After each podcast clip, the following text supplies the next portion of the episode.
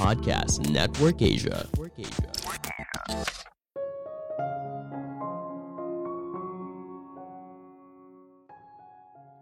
Halo semuanya, nama saya Michael. Selamat datang di podcast saya, Sikutu Buku.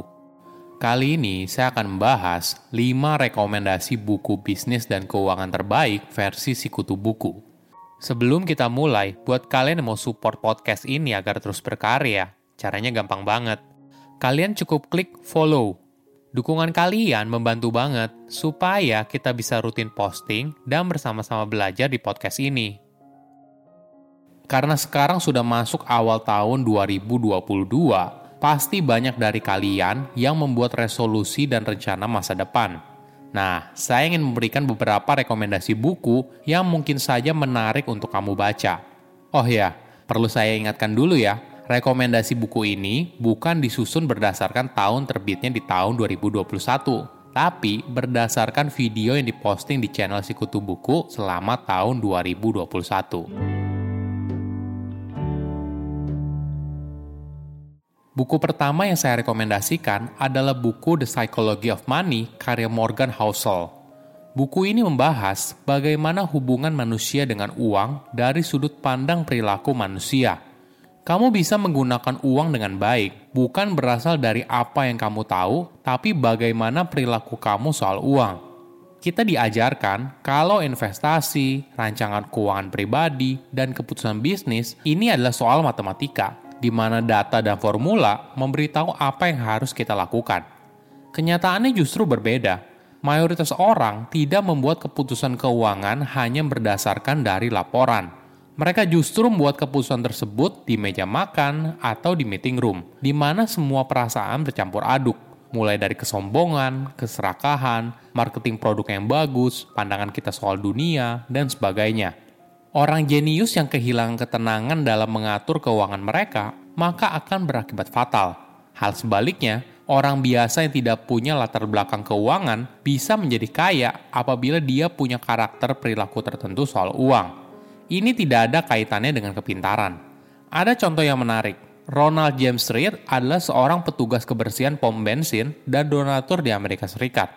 Ronald hidup sederhana, rutin menabung, dan pada akhir hayatnya, dia mampu mengumpulkan 8 juta dolar. Mayoritas dari kekayaannya lalu disumbangkan ke rumah sakit lokal dan perpustakaan. Buku kedua yang saya rekomendasikan adalah buku The Power of Less karya Leo Babauta. Buku ini membahas bagaimana kamu bisa fokus pada hal yang penting dalam hidup untuk meningkatkan produktivitas dari apa yang sedang kamu kerjakan. Apakah kamu pernah merasa kalau terlalu banyak gangguan dalam hidup? Ketika kamu mencoba untuk menyelesaikan sebuah tugas atau pekerjaan, sepertinya sulit sekali untuk fokus. Tenang, kamu tidak sendiri. Di era sekarang, kita hidup dengan penuh gangguan, mulai dari notifikasi handphone yang tidak pernah berhenti, hingga dorongan untuk membuka media sosial dan browsing internet. Leo ingin mengajak kita untuk berpikir dengan cara lain, yaitu dengan membatasi diri kamu ke sesuatu yang kamu miliki sekarang, sehingga kamu bisa fokus bekerja lebih sedikit, namun pekerjaan itu dapat diselesaikan dengan baik. Di era sekarang, kita terbiasa untuk dituntut memberikan respon dengan cepat. Kita berusaha untuk menyelesaikan setiap tugas atau masalah yang datang di depan mata. Lebih banyak berarti lebih baik. Namun apakah benar? Kondisi ini malah membuat kita menjadi sangat lelah dan stres Bagaimana jika kita menjalani hidup yang lebih sederhana dan simpel? Menjalani hidup lebih sederhana dan simpel artinya kita hanya memilih hal apa yang harus kita perhatikan dan lupakan sisanya. Buku ketiga yang saya rekomendasikan adalah buku The Infinite Game karya Simon Sinek.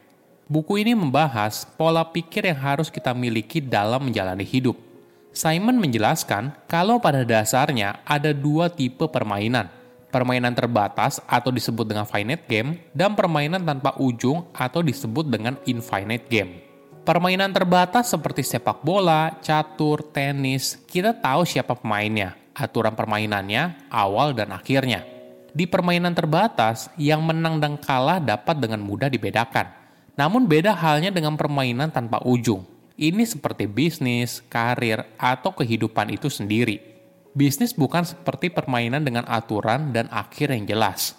Bisnis adalah permainan tanpa ujung, di mana sebuah organisasi harus bisa bertahan selama mungkin di dalam permainan.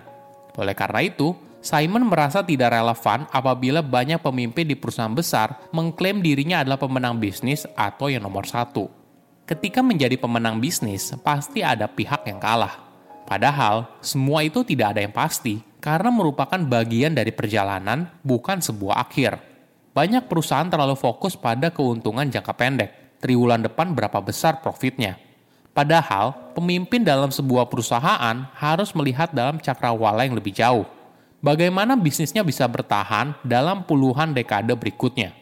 Menurut penelitian dari McKinsey, rata-rata umur perusahaan di dalam S&P 500 telah berkurang hingga 40 tahun sejak 1950-an.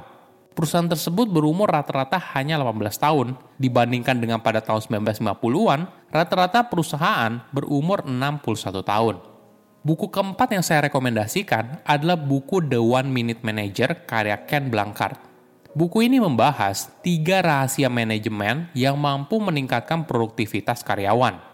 Kadang, perusahaan tidak berkembang bukan karena karyawannya tidak bekerja dengan maksimal, tapi karyawan tersebut tidak paham secara jelas apa yang diharapkan dari mereka. Mereka tidak tahu tujuan yang harus mereka raih, sehingga mereka terjebak dalam kesibukan sehari-hari tanpa memberikan dampak yang besar bagi perusahaan. Buku ini ditulis dalam sebuah kisah yang menarik tentang seorang pria muda cerdas yang berkeliling dunia untuk belajar dan bekerja dari seorang manajer yang hebat. Hingga akhirnya, dia menemukan seorang manajer hebat yang diberi nama New One Minute Manager.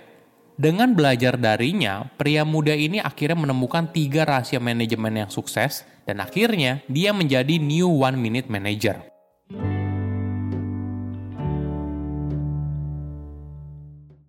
Buku kelima yang saya rekomendasikan adalah buku How Much Is Enough karya Robert dan Edward Skidelsky. Buku ini membahas soal berapa banyak yang harus kita miliki untuk merasa cukup. Apa sih tujuan kita mencari uang? Tentu saja setiap orang punya tujuan yang berbeda. Namun mayoritas dari kita pasti sepakat kalau tujuan utamanya adalah untuk mencapai hidup yang lebih baik. Hidup ini hanya bisa dicapai apabila kita tahu rasanya cukup, berhenti melakukan pengejaran keinginan yang tidak habisnya, dan mulai menikmati hidup. Di era sekarang, kita ibaratnya sudah lupa rasanya cukup. Hidup untuk mengumpulkan kekayaan sepertinya dipahami sebagai sarana untuk bertahan hidup Apalagi untuk mengukur sebuah negara merupakan negara yang makmur dan bertumbuh, kita pasti menggunakan metrik pendapatan per kapita. Jika pendapatan per kapita sebuah negara naik, artinya kondisi ekonomi negara itu membaik. Namun faktanya, di United Kingdom, walaupun pendapatan per kapitanya naik secara signifikan, tingkat kebahagiaannya juga tidak ikut naik. Kenapa hal ini terjadi? Masalahnya terletak kalau studi ini bergantung pada penilaian subjektif individu tentang kebahagiaan mereka sendiri. Namun, laporan berdasarkan penilaian pribadi selalu sangat bergantung pada konsepsi individu dan budaya tentang apa artinya kebahagiaan.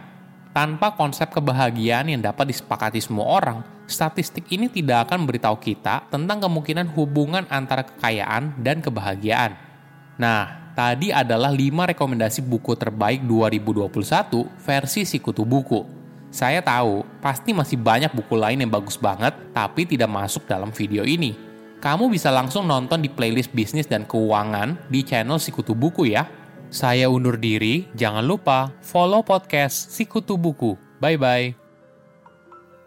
Pandangan dan opini yang disampaikan oleh kreator podcast, host, dan tamu tidak mencerminkan kebijakan resmi dan bagian dari podcast Network Asia. Setiap konten yang disampaikan mereka di dalam podcast adalah opini mereka sendiri dan tidak bermaksud untuk merugikan agama, grup etnik, perkumpulan, organisasi, perusahaan, perorangan, atau siapa pun dan